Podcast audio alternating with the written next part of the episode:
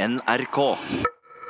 Det er bare én film vi kan snakke om i denne podkasten fra Filmpolitiet, og det er Star Wars The Rise of Skywalker. Og vi må komme med en advarsel med en eneste gang. Her blir det spoilere, spoilere, spoilere og flere spoilere. Så hvis man ikke har sett filmen enda, hva skal man gjøre da? Vent med å høre denne podkasten til du har sett filmen. Eh, se filmen, hør podkasten.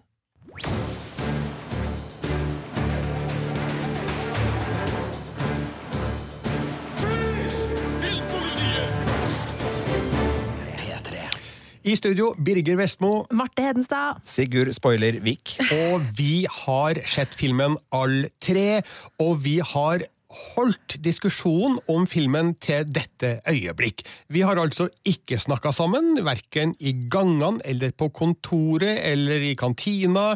Eh, Jeg vet ikke hva verken Marte eller Sigurd syns om filmen, men dere vet hva jeg syns. Ja, Ja. fordi du har jo eh, publisert en anmeldelse med terningkast fire på p3.no. Ja, det er helt eh, riktig. Jeg skriver i den eh, anmeldelsen at eh, JJ Abrams har greid å sy sammen eh, trådene på en eh, tilfredsstillende måte, sjøl om det knaker i historiekonstruksjonen.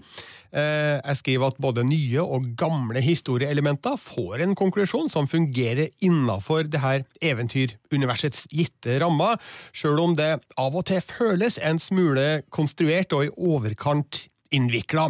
Og så konkluderer jeg da i første avsnitt med at Star Wars The Rise of Skywalker er likevel et stort og mektig punktum som oppfyller det kanskje viktigste kriteriet. Den kjeder aldri. Og dette ble det altså en firer på terningen av.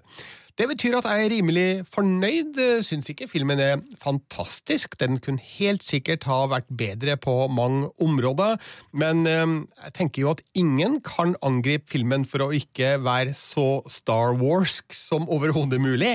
For her bøttes det jo på med romfartseventyr med utrolige effekter, og det er romskipslag, og det er lasersverdfighter, og det, det skytes med lasergevær, og i hele tatt alle ingrediensene vi kjenner fra Star Wars-filmene fram til nå, er videreført i The Rise of Skywalker, og kanskje overdrevet litt også, for det, det er veldig mye film her. Det er mye å ta stilling til, og det er mye å fordøye. Og jeg tenker at eh, The Rise of Skywalker er en film som enkelt kan ses mange ganger uten at man nødvendigvis går lei. Eh, Det var liksom i korte trekk min dom over filmen, så er jo jeg eh, veldig gira på å høre deres eh, mening, da. Skal vi starte med deg, Marte? Ja, eh, jeg var jo veldig veldig spent i forkant, fordi jeg eh, er jo en lettrørt person, og jeg lurte veldig på hvordan det skulle være å se en Star Wars-film nå med, med Carrie Fisher etter at hun er blitt borte, og det liksom skulle bli brukt eh, som de har sittet på, som de har klart å, eller prøvd å sy sammen eh, til en eh, slags Leia på lerretet. Eh, og der kjente jeg at eh, det lugga litt for meg underveis, hele den eh, fortellingen rundt eh, Leia. Eh, for jeg merka at eh, det var rett og slett eh, litt for lite å gå på, og at eh, historien hadde litt problemer med å, å sy inn henne på en god nok måte. Så, så der eh, kjente jeg på at jeg ble litt skuffa. Altså, eh, men bortsett fra det, så koste jeg meg skikkelig eh, underveis. Det var masse utrolig stilige actionsekvenser. Det var mye følelser. Jeg elska hele historien eh, med Ray og Kylo Ren, aka Ben. Eh, Og da filmen var ferdig, så satt jeg og gråt meg gjennom hele rulleteksten til og gikk litt sånn eh, tom ut av kinosalen etterpå. Ja, eh, og når vi spiller inn denne podkasten, så var det jo da i går kveld jeg, jeg så filmen, og jeg kjenner at jeg har et eh, sterkt behov for å se den eh, igjen rimelig kjapt. Betyr det at du likte filmen? Jeg likte filmen, men jeg er nok litt som deg. At eh, jeg tror nok jeg ligger på en firer på terningen. Det var ikke, Jeg ble ikke blown away. Det var ikke fantastisk, som du sier, men det var absolutt en, en verdig avslutning, følte jeg. Ok. Sigurd Vik, er du da eh, dissensstemmen oppi det her, eller er vi rørende enige? Ja, vi er nok ganske mye enig. Jeg hadde en fin opplevelse tidvis. Tårer i øyekroken og liksom Star Wars-fanen i meg som bare ville liksom bli trykka på de emosjonelle knappene. Han fikk jo kjørt seg godt. Eh, men jeg kommer ikke unna den der gnagende følelsen av at jeg er litt sånn skuffa over at et av verdens største underholdningsmaskineri er tilfreds med å bare gjenta seg sjøl. Mm. Altså å lage en tredjefilm som ligner dønn på tredjefilmen i den originale trilogien, og dermed være som The Force Awakens da, et slags oppdatert uh, speilbilde, uh, en parallell da, som er så til de grader lik i både hvor det skal slåsses, hvordan det skal slåsses, hvem som skal slåss, hvordan det skal klippes i mellomslagsmål, hvordan det skal se ut, og alt det der. Og det var bare som en sånn befriende liten sånn når det endelig kom noen hester uh, inn i bildet. Uh, altså, Mener du de langhåra vortesvinhestene? Ja, ja, valgte å kalle altså, sånn, for var, Da var jeg så mett da, på ting jeg egentlig hadde sett før, men som var ny. Og jeg bare kjente at vet du hva, det her altså, det, det det, det, holder ikke helt, da, syns jeg. Samtidig så vet jeg at uh, jeg koser meg, og jeg vet at det, er grunner til at det er sånn, og at vi som har et veldig sterkt forhold til den originale trilogien, selv om vi er litt ulike i aldersgruppe, så har vi alle det. Så, så, er det her selvfølgelig for en ny generasjon også, så det skal gi dem noe nytt. Man kan ikke ta utgangspunkt i at alle skal ha det samme forholdet til den originalen, så, så, så det er mye som spiller inn her, men, men det er vel min innvending og, og, min litt sånn det, eh, min skuffelse med det hele. Samtidig så tror ikke jeg terningkastet til Birger eller hans betraktninger Det var ingenting der som jeg var uenig med. Men vil vi ikke at eh, en Star Wars-film skal følge de samme sporene og tradisjonene som de foregående Star Wars-filmene har hatt? Eh, jeg vil jo at det skal føles ut som Star Wars, sånn at det, der hvor det gjelder klipp klipping og disse uh, overgangene som vi er så vant til. Selvfølgelig skal det være en del av en Star Wars-film. Hvis ikke så hadde det jo vært skandale. Uh, men jeg, jeg, jeg, må innrømme at jeg var ikke helt sikker på om jeg skulle flire eller tenke å herregud uh, da Det var gjentatte ganger veldig mange hint og nikk til fansen og gamle filmer, som for eksempel da Luke endelig klarer å heve det jævla skipet! Eh, og han ser omtrent rett i kamera. Det er nesten så han bryter den fjerde veggen og smiler til oss. For, altså, har, hvorfor skal han smile til Ray? Liksom sånn, det, det, er sånn vink til oss. Blir det for mye? Kanskje, men jeg, på en måte, i det øyeblikket så valgte jeg å kose meg med det. Men du kunne valgt å tenke 'herregud, dette er teit'. Ja, og, og, jeg er jo øh, Altså, ja og nei er svaret mitt på ditt spørsmål, Birger. For ja, selvfølgelig skal det være uh, stemning og, og, en del gjentagende element, og sånn, men når det blir til det punktet at det blir Altså, jeg tror andre ville ha blitt plagiatbeskyldt hvis de hadde laga den filmen her, hvis du skjønner. Altså, det er så likt, da. Det er så mye som er helt identisk i, i takt, tone og stil og, og alt det der, som, som, gjør at det blir for mye. Altså Den mellomtrilogien, altså, som egentlig er de første filmene, uh, Phantom Menace osv., hadde jo også Star Wars i seg, men de var ikke blåkopier av den eldste trilogien. Så du syns at prequel-trilogien er bedre enn denne? Det var ikke det jeg sa, Marte. Det jeg sier er at det fins Star Wars-filmer som føles som Star Wars-filmer, men som ikke gjentar handling uh, som vi allerede har sett. Uh, så jeg syns den siste trilogien her altså Jeg vet jo at det er årsaker til at vi havna her. Det har vært regissørbytte, Disney har vakla i sin behandling av uh, stil og tone i hele universet. så jeg, jeg, jeg skjønner jo at det er årsaker årsaker til at man har havna der man har havna, men, men min, sånn, min, skuffelse under uh, denne filmen var det. I tillegg til at, uh, og det var vel du, Birger, inne på, det er litt sånn Når det gjelder liksom ting som står på spill. Og, og humoren i de situasjonene hvor det skal stå på spill, var skrudd til litt vel barnevennlig og ufarlig denne gangen. Ja, eh, det skal vi komme litt tilbake til. Eh, først den her trilogien vi nå da nettopp har fått eh, avslutta. Jeg kaller den identitetsforstyrra i anmeldelsen min. Det er jo fordi Ryan Johnsons The Last Jedi, som jeg likte veldig godt, den stikker seg jo kraftig ut da, mellom de to JJ Abrams-filmene. Og enkelte har jo da meint at The Rise of Skywalker er en slags unnskyldning til fansen for The Last Jedi gikk jo ikke like godt hjem hos eh, alle Star Wars-tilhengere. Eh, og dermed sitter vi igjen med tre filmer der eh, én og tre virker som eh, direkte knytta sammen, mens The Last Jedi den blir på en måte skvisa litt ut av eh, trilogien, altså ikke bokstavelig talt, men det kan føles litt som at Disney har vært opptatt av å komme back on track her nå og servere fansen det de vil ha. Mm. Fordi den første eh, i trilogien, The Force Awakens, den tjente inn to milliarder dollar, mens The Last Jedi tjente inn i hermetegn bare 1,3, som også er utrolig mye penger, men det er jo ikke i nærheten av det Disney og Lucasfilm trenger for å rettferdiggjøre det enorme budsjettet. Eh, så jeg vil anta at det ligger kommersielle hensyn bak det faktum at eh, de ga Colin Trevorrow eh, fyken, som egentlig skulle ta denne siste filmen, og, og ga jobben til JJ Abrams, eller overtalte han til å ta jobben. Jeg vet ikke helt hva han fikk betalt for det, men eh, når jeg ser resultatet, så tenker jeg at ja, men det her er nok akkurat den filmen Disney ønska seg. For det, den er brei nok til å appellere til så å si alle uten å totalt skyve fra seg de mest hardbarka og innbitte Star Wars-tilhengerne som har vært med i 42 år. Ikke sant? Og det er jo sånn som du sier, Sigurd, at eh, man kunne ha utfordra eh, formatet mer, selv om det, eh, at det fortsatt kjennes ut som Star Wars. Og det var jo det den forrige filmen gjorde. Den utfordra jo mye større grad eh, Star Wars-universet, slik vi er vant til å se det. Og den, og den splitta jo da fansen i to, ikke sant? og som Birger sier, gjorde at den kanskje fikk en litt dårligere mottagelse, og derfor er de nå tilbake på trygg grunn. Ehm, men hva, hva, det er jo litt sånn vanskelig spørsmål, da. Men hva ville du gjort annerledes? jeg, jeg, ville nok ikke ha endt opp med den samme skurken i den samme situasjonen Nei, da, på den ja. samme finalen med de samme Star Destroyerne rett utafor, og det samme klippinga der det er samme gjengen som kommer fra motstandsbevegelsen for å ta det samme avledningsmanøveren mens en Jedi Red eh, ikke sant? Ja, ikke sant? Det ville ikke jeg ha gjort. Ja. Jeg syns det blir for likt. Ja, Hva syns vi da om at eh, keiseren kom tilbake?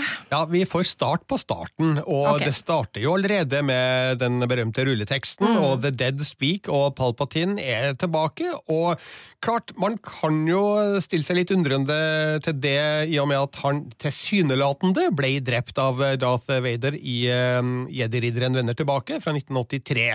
Men uh, vi ser jo aldri at han dør der. Palpatine blir kasta ut for uh, kanten og ned i dypet, og vi ser jo ikke hva som skjer med han, så det er jo ikke helt uh, vanvittig at han eh, overlevde og eh, kommer tilbake her. Sjøl om eh, Palpatine faktisk ble drept i en tegneserie på 90-tallet som heter Dark Empire. Han ble faktisk drept av Hans Solo, som brukte laserpistol. Men det er jo ikke sikkert at vi skal kreve at filmkanonen skal holde seg tro mot alt som har skjedd i Star Wars. Tegneserier og bøker og tegnefilmer. Så jeg kjøper at eh, Palpatine er tilbake, og eh, syns jo at det er i utgangspunktet en kul idé at han viser seg å ha stått bak kulissene eh, i alt som har skjedd i trilogien så langt, og har trukket i alle trådene. Hva syns dere? Visuelt sett så syns jeg Sitt-planeten var helt nydelig. Jeg digger at Ray er beste Altså barnebarnet til Palpatine. Og, og jeg, også, altså, jeg har ikke noe problem med at Palpatine dukka opp. Altså, det jeg hadde innvending mot, var at det skulle skje på så fordømt identisk på en måte. Men, men altså, det er jo å gå tilbake til den drøyeste skurken Star Wars-universet har, og det, det, skjønner jeg at er kult. Og jeg merka jo også at når de her plottfintene uh, kom og bekrefta litt fanteorier og tok oss med liksom, dypere i her, og jeg syns jo liksom det der med uh, han uh, som har bortført foreldrene til Ray altså, jeg, jeg likte alt det greiene her, så, så, så liksom hovedmaterien her syns jeg var kul. og den stemmen er jo ikonisk av gode årsaker. Altså, det, det er en skikkelig brekkekkel dude. Og brekkekle duder som får sin comeuppance, det funker, enten man er i Hollywood eller i kinosalen i Trøndelag, og, og det likte jeg. Så skurkesida, og spesielt hvor massivt uh, sitteplaneten var bygd, de arkitektoniske flatene, som uh, jeg syns var både uh, lett å skjønne, men samtidig kreativ og original på, på sitt vis. De likte jeg kjempegodt. Er det krafta som holder dem opp? Hva tenker vi? Kanskje det. Altså, det kan vi jo bare slå fast med en gang, at alt som har med design i filmen, altså utseende, kulisser, kostymer, backdrops, digitale effekter, er helt fabelaktig gjort. Jeg har ingenting å utsette på hvordan filmen eh, ser ut. Det er imponerende og den som, så bare på utseendet så scorer jo The Rise of Skywalker fantastisk. og det tar jo ikke mange sekundene før vi er i universet, bokstavelig talt. Etter at eh, Crawlen har gjort seg ferdig, så, så er det Star Wars-logo, det det er stjernehimmel, og det er Tie Fighters, og jeg blir sugd rett inn i Star Wars. Altså, det, det er ekte Star Wars. Men ehm, der jeg begynner å tenke at uh, filmen mister litt av sin originalitet, er jo når uh, motstandsbevegelsen, eller opprøreralliansen, da, eh, legger ut på leiting etter denne hemmelige planeten som Palpatine har bosatt seg på, og der han bygger opp en armada, The Final Order.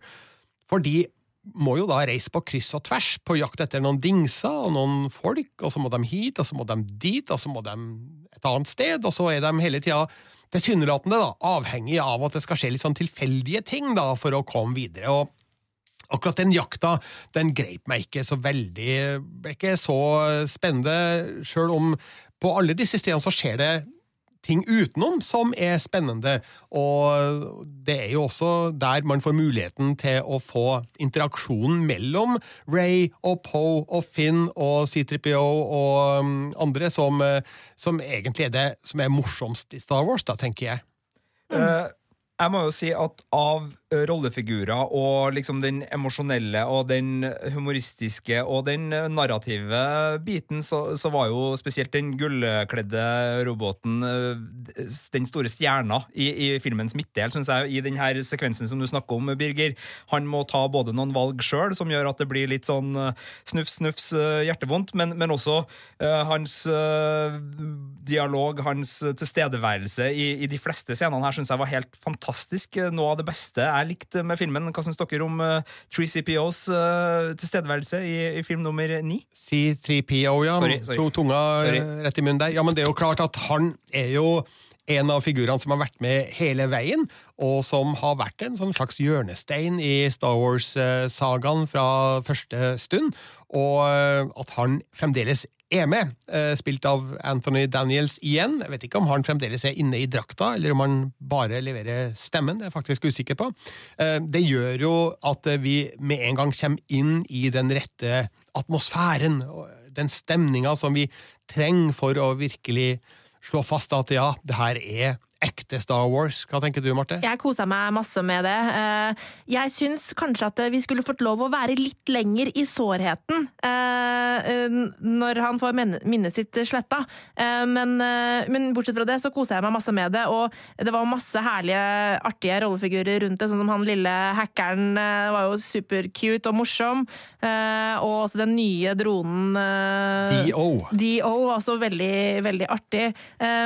Så ja, og det er jo som, som dere sier, at eh, vi må jo ha med C3PO for at det skal være Star Wars. Eh, og han har jo alltid vært en stor del av filmene og vært den der comic reliefen, så det, det var veldig passende at han fikk lov å være det denne gangen også. Ja, så synes jeg det ble en sånn fin brobygger, fordi sensorchipen var fra ei tid hvor eh, samfunnet var helt annerledes, og det har vi jo liksom vært med, det var før syndefallet, så, så man fikk liksom eh, spredd ut historier ganske bra bare ved å, å, putte han som eh, liksom den mekanismen som skulle til for å få ut det her innholdet. Da. Jeg synes det var, var interessant, så synes jeg det var dypt problematisk at eh, eh, dolken bare ble holdt opp eh, på et vilkårlig sted på eh, Ja. en planet, og så matcha landskapet, men det får så være. Nei, hvor pirkete skal man egentlig Men, være? det, men en eh, sånn type ting, er ikke det en sånn stjernelesergreie? Det er jo en sånn vanlig navigasjonsinstrument fra Ja, men, men skip. det var utrolig flaks da at hun sto på nøyaktig riktig sted når hun holdt opp den, den daggen daggeren. Men ok, det Flaks kan man ha. Ja. Men med det samme vi er inne på gamle rollefigurer her, da, så er det jo flere av dem i, i filmen. Du har jo allerede snakka om Carrie Fisher, eh, eh, Marte. og jeg er jo enig i det du sier, at det er tydelig at de har vært nødt til å skrive seg rundt eh, de scenene de hadde til overs eh, fra The Force Awakens med general Leia. Og det fungerer jo eh, ofte bra, men det er det vi vet hvordan det her er gjort. Vi vet at de har vært nødt til å ja, vrikke seg rundt uh, ubrukt uh, stoff, og spesielt uh, i siste del så er det jo ganske åpenbart at her har de ikke hatt det nødvendige som skulle fortelles om Leia, og isteden så er det jo da Maskatana, spilt av Lupita Nyongo, som forteller oss hva Leia tenker å gjøre, og hva ja. hun planlegger, og hva hun tenker, og hva hun føler. Så eh, Omtrent som at hun er blitt en forlengelse av eh, Leia sjøl. Og det skjønner vi jo er en eh, konsekvens av at de har rett og slett ikke hatt tilgang til nok stoff. og så tenker jeg at ja, det må være helt greit. Fordi ja, hva, er, hva, hadde alternativet vært? Ja, Alternativet hadde jo vært flere av de scenene hvor vi ser eh, altså sånn, Den ene scenen hvor eh, Luke og Leia trener som unge. Eh, og de tar av seg maskene, og det ser jo helt fucked up ut. Eh, så, så, det hadde vært mer av det. Eh, så det vil vi jo heller ikke ha. Men, men jeg tror at det, det hadde opp, blitt opplevd, i hvert fall fra min side, som mangelfullt, selv om jeg ikke hadde visst at de ikke hadde materiale. Fordi det er noe med den mest på en måte hardtslående ordkløyveren i, eh, i, serien eh, er helt stille i nesten hele filmen. Hun har ekstremt få replikker og bare ser på folk når de snakker til henne. Fordi at de har ikke muligheten til å, til å eh, gjøre så mye mer med det. og det, det gjør at den rollefiguren ja, det, Den får liksom ikke den avslutningen man skulle ønske. Men selvfølgelig, det kan man jo ikke gjøre noe med. Men man, jeg merket det veldig. Og det, og det gjorde at Eh, jeg gråt ikke eh, da Leia døde, før Chewie begynte, å, eh, Chewie begynte å gråte, liksom. Fordi det, det, det, ble Det slo ikke hardt nok, fordi det, det var for lite å gå på, rett og slett. Men vi må rett og slett ha forståelse for at JJ Abrams satt i en real sånn kattepine her, og de var nødt til å gi Leia en avslutning på et eller annet vis. Absolutt. Og ja, nei, altså det knirker litt i historiefortellinga her, men eh, jeg velger å tro at det, det, det, kanskje ble så bra som det var mulig å få gjort det, uten å ty til sånne digitale triks og ja, få en annen skuespiller til å være Leia, og så tegner man en digital utgave av eh, Leia over. Hva tenker du, Sigurd? Nei, jeg tenker at uh, det dere har sagt, er riktig. Og så syns jeg jo det er interessant, fordi hennes uh, funksjon utover å være den hun er i Star Wars-universet, er jo å være sentral når det gjelder utviklinga til våre to kall det, kraftigste hovedpersoner. Uh, altså Ray og, og, Ben. Og hva tenker dere om, om hennes rolle i det vendepunktet, og for så vidt egentlig utviklingsbiten for de to rollefigurene? For de får jo De har jo et veldig tett bånd her nå, som er visuelt gjort litt corny, syns jeg, med at de hele tida kan være i samme rom og ta ting fra hverandre i det ah, kraftfeltet. Ja, okay, ja. Jeg, jeg, det, var, ja det, det, det, gjør det veldig lett å, å, gjøre ting med de rollefigurene, så jeg, så jeg, sitter med en sånn følelse av at sånn, ok, det her er kanskje litt for praktisk eh, sånn filmskapermessig. Mm. Men, men, jeg likte jo mye av det som skjedde. Samtidig så syns jeg jo at uh, det kanskje var litt sånn uh, uh, jeg vet ikke om jeg syns det var seigt eller forutsigbart, spesielt Kylo Ren sin, sin bit i det. Men, eh, men, det var et eller annet når de holdt på med den sverdkampen eh, på, på mm, Endor. Uh, på det vraket der, så da, da, kjente jeg på en sånn metthetsfølelse òg, i, i, liksom den der dualiteten uh, dem imellom. Men så kom liksom den der frigjørende uh, innblandinga fra, fra uh, Leia, som, som endelig liksom ga litt forløsning. Jeg vet ikke, Syns dere det var passe, eller fikk dere nok, dere òg? Eh, personlig så syns jeg at eh, det båndet mellom Ray og Kylo Ren har vært det mest spennende i alle de tre filmene her. Helt enig. Og jeg var veldig spent på hvordan den utgangen skulle bli. Og eh, jeg må si at jeg virkelig ble engasjert og grepet av den skjebnen da som Eh, Kylo Ren-møte og eh, at den figuren får en forløsning og ja, en oppreisning, rett og slett. Jeg syns det er gjort på en nydelig måte. og de spiller jo så godt, både Adam Driver og Daisy Ridley. De spiller jo med en sånn intensitet og et sånt følelsesspekter at jo, du føler jo hva som står på spill for dem. Du føler hva som trekker dem mot hverandre, og samtidig hva som skyver dem fra hverandre. Og eh, jeg tenker at uh, dette er egentlig den emosjonelle kjernen i hele filmen, og uh, kanskje høydepunktet for min del da når det gjelder den dramatiske delen. Hvis vi ser bort fra alt som har med action og gøy og moro å gjøre, så tenker jeg at uh, dette er selve hjertet i filmen, det som foregår uh, akkurat i den siste lasersverdfighten. Det her er interessant, for jeg tenkte jeg skulle spørre dere når var, Jeg vet at du ikke gråt, da, Birger, så, så det blir litt forfengt, men liksom, når, når, var det liksom det, på det mest rørende i filmen? For jeg hadde forventa at det skulle være der, men der så var ikke jeg eh, veldig berørt. Jeg grein når uh, hjelpa kom. Altså litt sånn i god Dunkerque. Om det var der tårene kom for meg, for der var det sånn enkel heroisme inn i spill. Men jeg var rett og slett så matt av den der uh, Jedi uh, sitt-greia og lei. Ah, er... Matlei, rett og slett, på tampen der. At jeg hadde ikke noen noe sterke følelser når var vi kom til finalen. Var du lei av? Jeg var lei, ja. Jeg var skikkelig lei. Ja. Nei, du... Uh, Uh, unnskyld, Marte. Nei, Jeg er helt uenig med, med, Sigurd og helt enig med deg, Birger. Det har vært det som har vært mest spennende gjennom alle tre filmene. Og hele den uh, greia til Kylo Ren Man har hele tiden sett den sårbarheten som ligger under det sinnet. Om vi har hele tiden sett det der underliggende greia om å ønske om å ikke være ensom, ønske om å få lov til å komme tilbake foreldrene, men at han ikke kan fordi han har gått over streken, han har gått for langt. Eh, sånn at det, og det båndet som har liksom vokst mellom dem, det har rørt meg i alle filmene, og jeg syns det fikk en veldig fin avslutning eh, her. Eh, og jeg gråt som en liten unge ja. der, altså. Jeg, jeg grein jo selvfølgelig da ikke, fordi at jeg er en hard nøtt. Men eh, når hjelpa kommer på slutten, så er jo, er kanskje det mest forventa utfallet i hele historien. Da tenker jeg at eh, hjelpa skulle komme. Mens eh, akkurat det som skjer mellom Kylo og Ray på Endor, der, der, visste jeg ikke helt hva jeg hadde i, i vente. Og um, nå, nå, får jo Kylo Ren akkurat den samme historiebuen som Darth Vader, selvfølgelig. De kopierer jo den, som så mye annet. Men eh, akkurat i det øyeblikket der eh, de uh, ser hverandre i øynene, og, og, og Ray sier Ben, fordi hun forstår at Kylo er borte, og Ben har kommet tilbake. Der eh, tenker jeg at eh, filmen hadde sitt eh, største emosjonelle øyeblikk. Det er, altså, det er uh, lett å være enig i. Uh, spørsmål er jo kunne de ha latt være at Kylo Ren slash Ben dør på slutten, eller må det skje fordi at han, som du sier, Marte, har gjort så mye galt, og så kommer han tilbake, og han får sin på en måte frelse, men han har likevel gjort så mye galt at i en Disney-film så kan ikke han og Ray leve lykkelig i alle sine dager? på en måte? Nei, det er ikke det det handler om. Det det handler om, er jo at han gir sin livskraft for å, jo, jo, for det å redde jeg, Men altså, kunne dem har ha latt han få altså, ja, altså, Er oppreisningsmulighetene til stede i en Disney-versjon av Star Wars der Kylo Ren, etter å ha drept sin far Han Solo, kan han leve videre og være en good guy?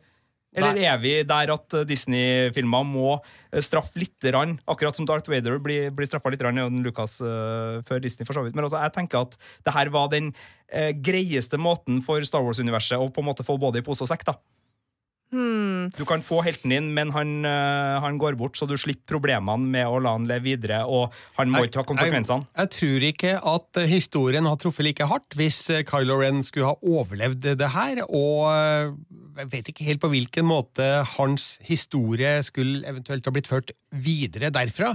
Så jeg tenker det er bra at de turte å ta livet av ham. ja, men du mener jo det motsatte. Jeg mener at det er kanskje fake å ta livet av den, for, for du... det hadde vært mer problematisk å la den leve. Men der, der, jeg tror ikke, jeg tror ikke eh, det her blir bare pur synsing fra min side, men, men, jeg tror ikke at det handler om at han må få straff på en måte for alle de fæle gjerningene han har gjort, at det er derfor han må dø. Det tror jeg ikke er tanken bak. Jeg tror tanken bak er at eh, det at han ofrer livet sitt for å redde den han elsker, eh, på en måte er det som gjenoppreiser han, da. Uh, sånn at Jeg tror ikke det er det at han liksom ikke kunne leve videre fordi han har gjort så mye fælt, som er grunnen til at det valget ble gjort. Nei, jeg tenker det er beleilig. Jeg tror heller ikke det er hovedgrunnen. Altså, jeg er helt enig i den analysen du har der, men jeg, men jeg tenker også at det er en, et opplagt valg for Disney og, og de jo. som skaper, fordi det, det, fjerner et vesentlig problem for ettertida. Men det er som Birgit sier også, det hadde ikke slått like hardt. Det hadde ikke vært en like emosjonelt rørende slutt hvis han hadde overlevd. Men eh, nå snakker vi om ting som ikke skjer i filmen. Skal vi mm. snakke om noe som faktisk skjer? Og hva syns vi om at Kylo Ren får det øyeblikket med Han Solo? Mm. akkurat idet jeg hørte den stemmen, 'Hey kid', og man skjønner jo umiddelbart at det er Han Solo. Eh, så tenker jeg at oi, ja, skal de gjøre det? Eh, blir ikke det litt kleint og rart? Eh, er ikke det her litt for mye fanservice? Men eh, etterpå tenkte jeg ja, jaggu. Men det her var jo et vakkert øyeblikk som eh, Som gir oss en eh, slags eh, konklusjon på, på dette forholdet som eh, endte så brutalt brått i The Force Awakens. Jeg syns faktisk at det var en eh, nydelig liten eh, scene som eh, som eh, Ja. Eh, Jeg fikk en god følelse i meg, da. Men hva syntes dere? Nei, jeg gråter jo nå bare du snakker om det, så jeg syns det var veldig fint. Eh, og det slutter sirkelen for, eh, for Ben. Og selv om, eh, som vi sier, at dette er bare et minne, ikke sant, så, så sier det noe om eh, den, den, veien han har gått, og hvor han har kommet frem til på innsida. Så jeg syns det var kjempefint. Jeg er helt enig. Jeg har bare et spørsmål.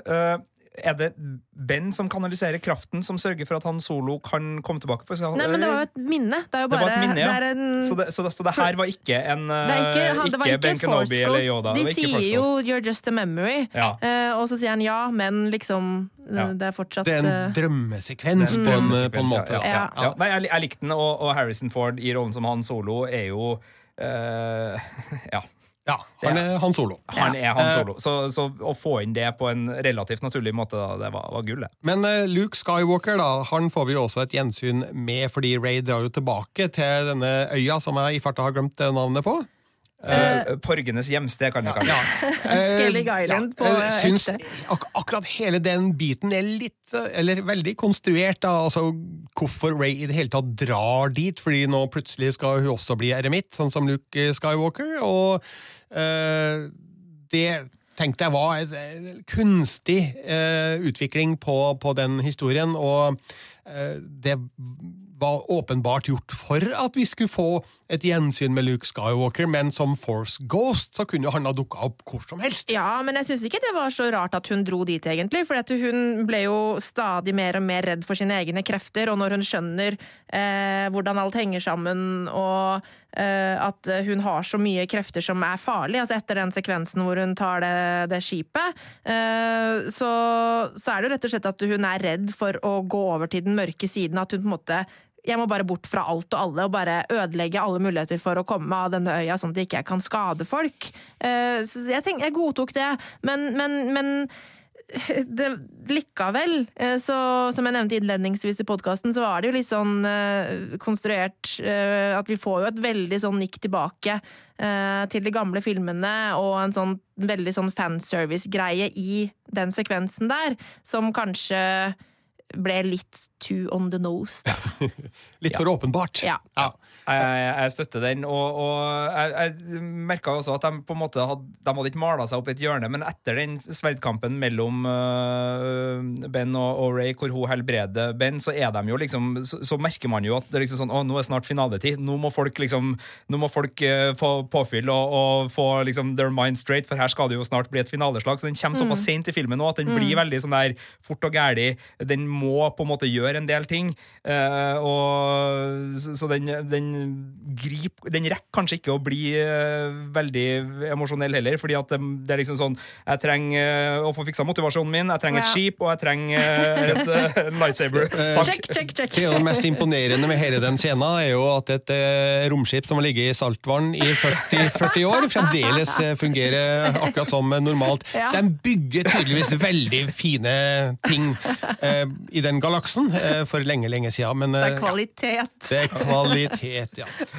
Um, nå er det jo flere kjente fjes i eh, The Rise of Skywalker, og eh, da tenker jeg først og fremst på Lando Calrissian, spilt av Billy D. Williams. Men jeg tenker jo Var det noen vits i at han var med, egentlig? Annet enn å eh, skape nostalgi for gamle Star Wars-fans? Han, de, det er litt rart, fordi at når han kom igjen på slutten, og de var i, i, liksom, i, i sår mangel på erfarne hoder der, så tenkte jeg liksom at ja, ja, ja, ja, ja det her Men så bruker de jo ikke noe særlig mye. Han får for lite å gjøre. Ja, Så, jeg, så, jeg, så, så når sluttresultatet er som det er, så jeg, tenker jeg at han, det har funka helt greit plottmessig uten, men, men det er klart gjensynet var veldig fint i den første bolken hvor de treffer han på den planeten han er. Og så var det fint når han kom, og så satt jeg igjen med en liten sånn følelse etterpå at ok, her, her fikk ikke vi høsta. Fanser fanservice? Ja, og hvert fall, Var det ikke han som også fikk lov å si 'I've got a bad feeling about this'? Ja, han sa det. Så Ja. det er et vink tilbake til de gode, gamle dagene i Star Wars-filmuniverset, det her. Men la dere merke på slutten, så, eh, så eh, mens han feirer fordi de har vunnet, så, så snakker han jo da med Janna, eh, spilles av Naomi Ackie, og spør hvor er du fra, og hun sier at hun vet ikke, og så sier Lando 'let's find out'. Ja. Hva er det? Er det et vink til noe? Er det en tråd som er lagt ut, som, som Disney kan følge hvis de får lyst til det? Eh, En TV-serie med, med Janna og Lando i tospann? ja, ja og ja. Ja, eh, altså, eh, vi, nå, nå, jeg var- ramla litt Altså, vi vet ingenting om relasjonen dem imellom. Nei.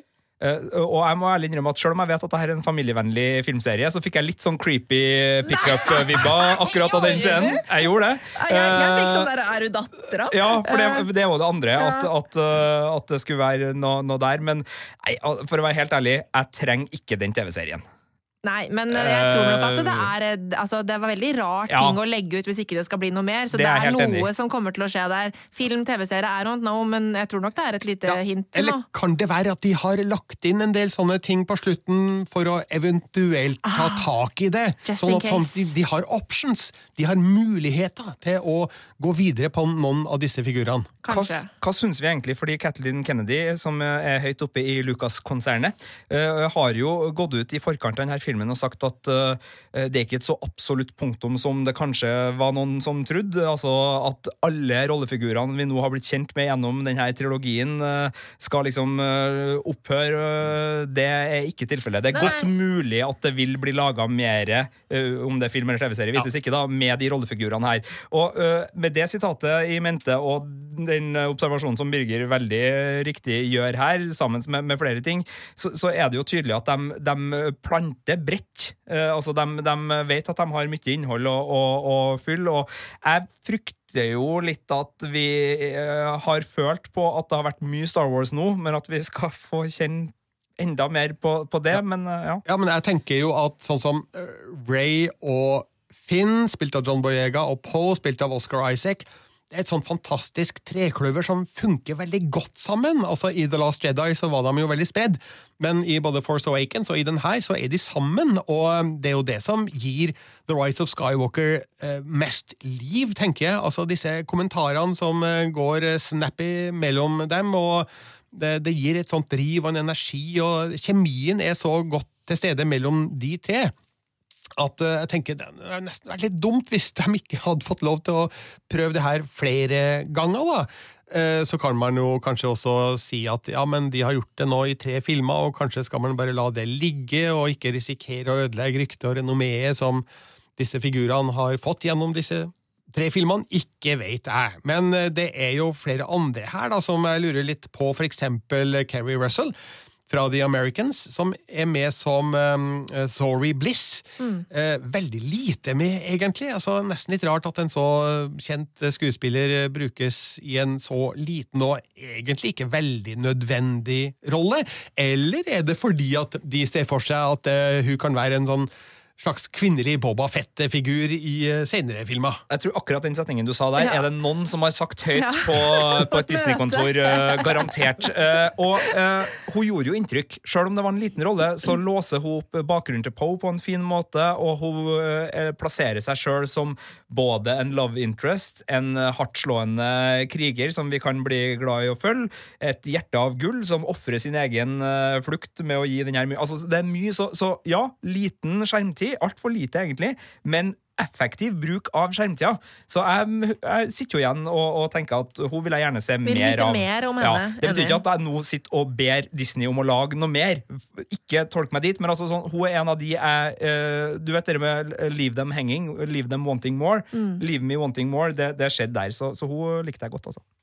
Vi må snakke litt om musikken, fordi det er jo da siste gang vi hører komposisjoner av legenden John Williams i en Star Wars-film.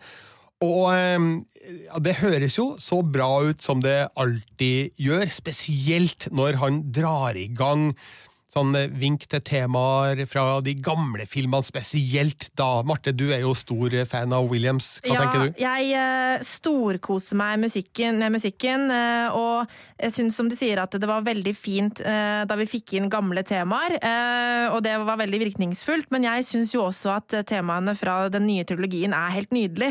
spesielt temaet til, til, Ray er helt fantastisk, og jeg syns kanskje det er en av de aller beste temaene i hele serien serien, faktisk. Jeg, jeg syns han er så utrolig, utrolig flink, og uh, det er jo skikkelig trist at uh, dette her er uh, siste Star Wars-musikken vi får fra Williams. Og, men jeg syns det var veldig gøy at de, at de hedra han med en, med en liten, liten, kjapp cameo inni der også. Ja, det var du, gøy. Vet du hva, jeg er nødt til å spørre, bare for å være helt sikker. Akkurat hvor kom den cameoen egentlig? Det var i den baren. Eh, når de er inne ja, Hvor var den baren, egentlig? Jeg husker bare, De kommer inn på den baren, eh, og så er det en eh, bare gammel fyr som eh, ser på dem, og så Det er John it. Williams, ja. Fordi at jeg lurte på det. Jeg så jo det at Oi, det der var, det gikk så fort. Ja, det gikk veldig fort. Og jeg tenkte at oi, det der var sikkert noen som jeg burde kjenne igjen, ja, og så det, det var... rakk jeg ikke å tenke mer på det, men det var altså ja, John Williams. Ja, det var det, gitt. Så det, så det var litt morsomt. Han har ikke hatt det før, så vidt jeg veit. Eh, ikke som jeg kan eh, komme på, så Nei. det var jo en veldig fin ting da av eh, Disney Absolutt. å gjøre. Morsomt at eh, han faktisk da har ansiktet sitt i en av de filmene han har tonesatt gjennom ja. 42 eh, år. Og han er jo en, en, helt utrolig unik eh, komponist med tanke på hvor mye plass han får lov til å på en måte skinne i filmene. Altså sånn som Vi husker jo at uh, The Force Awakens ble jo klippet om for å passe musikken til Williams, og det er jo noe som har skjedd med han flere ganger. Som regel så er det jo sånn at komponistene må komponere til klipperytmen. Uh, her har det vært omvendt i, flere ganger. Sånn at det, altså, han er jo helt ikonisk, eh, og jeg syns musikken var fantastisk. Jeg koste meg masse med det. Ja, den er en essensiell del av Star Wars-universet. Det er jo den som setter hele stemninga, og eh, som hever spenninga, og som Eh, gjør de emosjonelle øyeblikkene eh, mye sterkere. Det hadde ikke vært det samme uten eh, musikken til John Williams. Så, men jeg er nødt til å se filmen om igjen. Mm. Jeg er nødt til å høre soundtracket på ordentlig. For jeg må jo innrømme at, som jeg sa, det er de gamle melodiene som jeg husker aller best fra The Rights of Skywalker.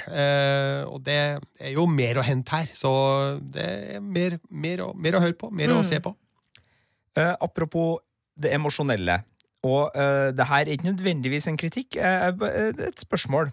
Du var så vidt inne på det i starten av podkasten, Birger. Da sa du det må vi vente litt med. Men måten uh, denne filmen skåner oss for dødsfall og, og, reelle farer og, og reelle konsekvenser er, er påfallende, syns jeg.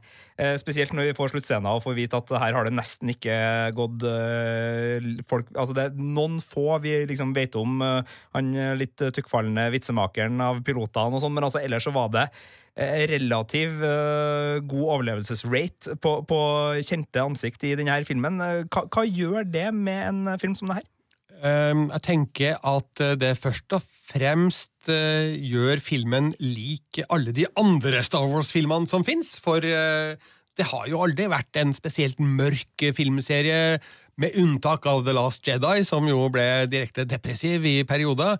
Så det at den ja, skåner oss for kjente dødsfall, det um, gjør den jo til en er en vanlig film i Star Wars-universet. Men altså, hvis vi ser denne trilogien som en helhet, da, så har jo den drept eh, Han Solo. Den har drept eh, Luke Skywalker. Den har drept Leia. Ja, eh, Luke Skywalker har ikke blitt drept. Eh, jo, jo, han sånn, er jo drept. Ja, da er jo Ben Konobi altså, sånn, Jo, jo, altså, ja, ja. Obi-Wan er jo også død. Ja, jo, men han, han øh, Det at du er et force ghost, det er jo et ordet ghost er, sier jo altså, det, Jo, men måten han døde på ved å liksom bare la seg sjøl bli eh, Nei, han, bruker, nei, han, bruk, han, seg, han Ja, ja. bruker jo opp livskraften sin til å redde de andre, og dermed så dør han. I, Og General Hux Ja. dør, General Pride dør, eh, Palpatine dør eh, Mange som dør, da. Tar du sjansen på det, Birger? At Eh, Palpatine dør? Det, Det, det, det. Ja, nei, men nå, eh, i denne filmen så ser vi jo ganske Mm. tydelig da at han dør. Men ja,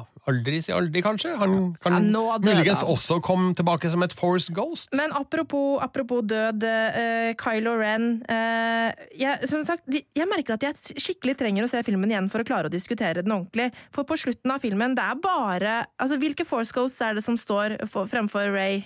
Ja, det er Luke og Leia. Ja, Så hvor er Kylo? Han også ble jo ett med The Force. Han forsvant jo. Er han, lever han videre i henne, han da? På et vis? ja. Nei, Det er jo et godt spørsmål, men, men på slutten så drar jo Ray tilbake til Tatooine. Eh, Til hjemstedet som eh, ikke har brent ned likevel. Det er stein. de har kanskje bygd opp igjen, da, det som brant. Ja, det brant jo, men brant det helt ned? Usikker. Kan- Ja. Ja, men i hvert fall, han, eh, hun drar jo dit for å, for å begrave Luke og Leas uh, lyssabler. Mm. Og det er vel kanskje derfor at det er Luke og Leia som uh, dukker opp som Force Ghosts Ja. akkurat der. Men, hun, Ghost. men så tar hun jo Hun tar jo navnet Skywalker. Ja. Eh, Og det, ja. det, det er hun som er The Rise of Skywalker. Mm. Det var jo kanskje om ikke åpenbart, så var det jo ikke så mange andre Skywalkers å ta av. Spesielt ikke, at, ikke etter at Leia døde. Men er det hun som er The Rise of Skywalker, eller er det Kylo Ren som er The Rise of Skywalker fordi Ben kommer tilbake? Det kan være begge deler. Ja, kanskje. Ja, ja. Mm. Eh, Men i hvert fall så eh, er det nå i hvert fall én Skywalker igjen, etter at eh, hele sagaen er over. Sjøl om Vel, jeg vet ikke om det er helt legalt å bare ta navnet Skywalker. For å ha problemer med myndighetene her. Det så ut som hun fikk eh, i hvert fall anerkjennelse og på en måte til, eh, eh, velsignelse fra Luke og Leia, da. Men ehm, det at eh, Ray er Palpatins eh, barnebarn, det betyr at eh, Palpatine har hatt seg. Det betyr det. Ja, det Altså, betyr det. ja, Noen som ser for seg egentlig hvordan det Nei, Nei, det vil jeg ikke se for meg. Nei. Du vet, eh, Han var politiker, vet du, Birger. Eh, og eh, ja, det fins TV-serier som tegner og forklarer, forklarer mye om, om hvordan politikere ter seg. Det er godt mulig. I hvert fall så kan vi slå fast at Star Wars The Rise of Skywalker har vakt litt sånn mixed reviews, som det heter på godt engelsk. På eh, rottentomatoes.com så eh, er det vel eh, rundt 58 det, eh, mens vi spiller inn det her, og mm. ja, jeg tenker at det, er litt overraskende lavt. Kan det tenkes at enkelte har hatt litt for høye forventninger til hva den siste Star Wars-filmen kun være? Kanskje ja, og så tror jeg nok det er mange som er litt enig med Sigurd i at eh, de er lei uh, rehashinga av gammelt materiale, da. Eh, at man bruker og refererer så til de grader. Eh, men eh, mitt inntrykk fra fansen eh, så tror jeg, i hvert fall hva jeg har sett eh, røre seg på internett av fans, så er det veldig fornøyde folk. For den 58 er vel kritikerprosenten. Jeg er veldig spent på én ting akkurat angående det, fordi vi tre så uh, filmen på svært ulikt uh, vis. Ja. Birger, du så uh, på en pressevisning i Oslo. Med andre kritikere i salen. Ja, det er helt riktig. Eh, Jeg så den i en liten uh, sal sammen med et eh, relativt voksent Star Wars-publikum. Jeg vil tro at snittalderen var godt over 25 i den salen jeg satt i, med folk som hadde god kjennskap til, til originalverket, vil jeg tro. Og du, Marte? Jeg så den i en fullsatt uh, stor kinosal eh, med jeg tipper aldersgrunnlag 20 år og oppover.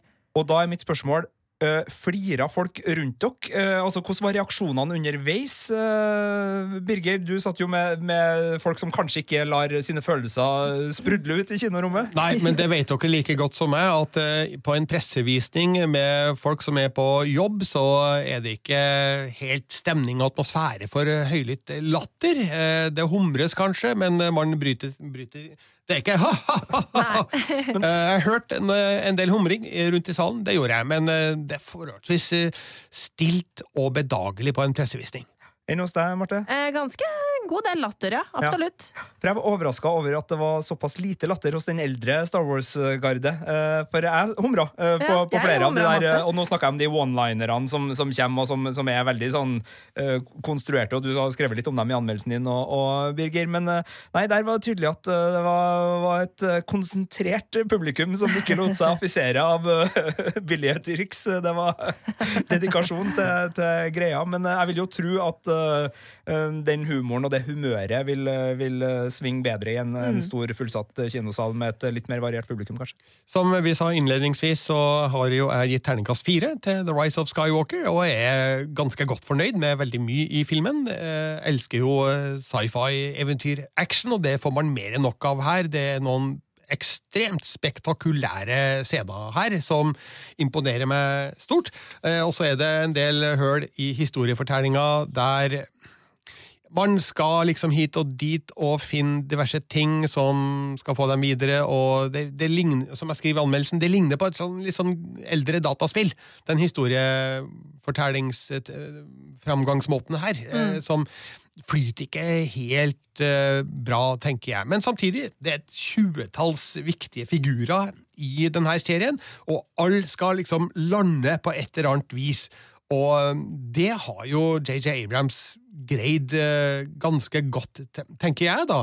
Så um, som et punktum på en ni filmer lang saga som starta for 42 år sia, så, så, er ikke The Rise of Skywalker helt halvgæren, altså.